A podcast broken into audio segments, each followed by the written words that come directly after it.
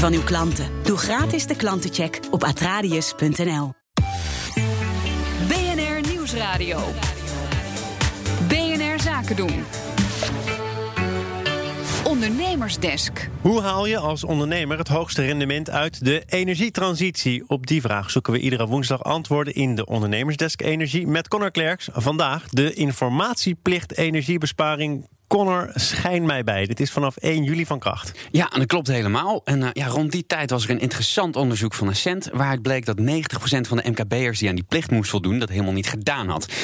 En nu we een paar weken verder zijn, uh, was ik eigenlijk wel benieuwd hoe het zit. Dus ik belde met Joep Hilbink van Ascent. En hij legt voor de handigheid eerst even uit wat die informatieplicht nou inhoudt. De informatieplicht energiebesparing houdt in dat je als ondernemer uh, aangeeft welke verduurzamingsmaatregelen je hebt getroffen die op de erkende maatregelenlijsten staan. Die is van toepassing bij alle bedrijven met een uh, energieverbruik van 50.000 kilowattuur stroom of meer en of 25.000 kub gas.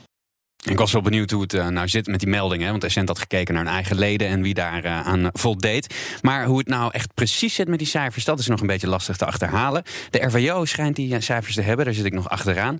Maar die van Essent zijn niet zo hard. Onze cijfers, hè, dat zijn onze bronnen, die zijn indicatief. En echte harde cijfers komen van RWO. En de reden dat uh, zo weinig MKB'ers zich melden, dat is geen kwestie van onwil volgens Joep.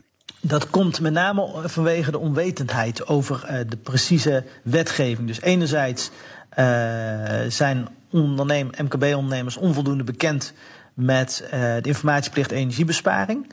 Anderzijds merk je ook dat men niet bezig is met hun energieverbruik of energiebesparing.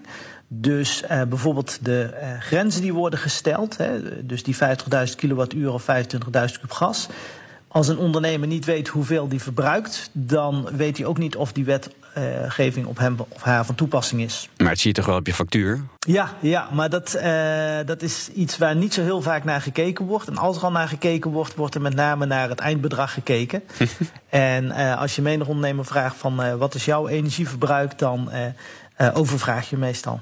Ja, nog weinig actie dus. Misschien omdat nog niet helemaal duidelijk is wat nou de gevolgen zijn voor ondernemers. Nee, dat is eigenlijk, ik vind het best een, een, vaag verhaal.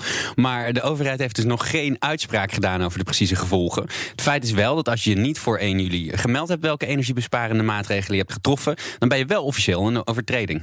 Uh, je pleegt dan een milieudelict. Maar de consequenties zijn nog niet helemaal duidelijk. Feit is wel dat je een overtreding bent en dat de omgevingsdiensten met je in gesprek zullen gaan over uh, welke maatregelen je al dan niet hebt getroffen en waarom je dat niet gemeld hebt.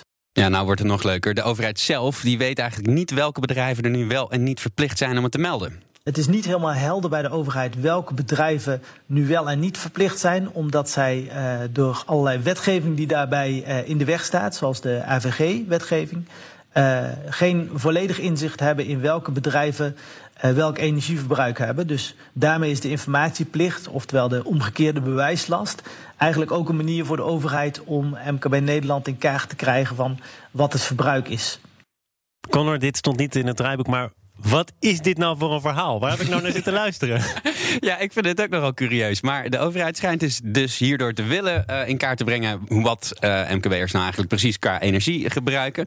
Uh, ja, als, je, als ze dat weten, ja, dan, dan kan er van alles mee. Kijk, het is ook weer van belang voor ehm, het halen van bepaalde doelstellingen die gesteld zijn. Daarvoor moet dat gewoon wel in kaart gebracht worden. En je kunt er ook echt beter van worden, dus als, als ondernemer. Ja, nou ja, dat uh, vroeg ik me ook af waarom je het dus eigenlijk wel zou doen als de overheid het ook niet weet. Maar Joep Hilbink zegt dat je er zelf inderdaad een stuk beter van kan worden.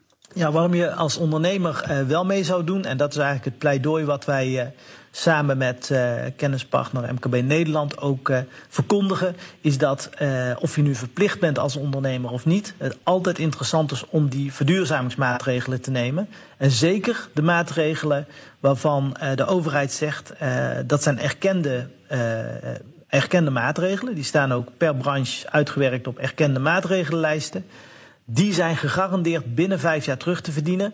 Dus dat, dat is per definitie een interessante business case voor ondernemers. Dus uh, of, of je nu moet of niet, uh, voer ze door, want dat levert je geld op. Ja, geld altijd goed, hè? Ja, en over garanties gesproken. Wat uh, gaan we morgen doen? Morgen in uh, de Ondernemersdes Kansen en Risico gaan we eens even kijken naar de Brexit. Waar uh, Boris Johnson nu in Groot-Brittannië de scepter zwaait. Dat gaat een heleboel betekenen, maar ik weet nog niet precies wat. Morgen wel. Morgen wel. Conor Klerks, tot morgen dan.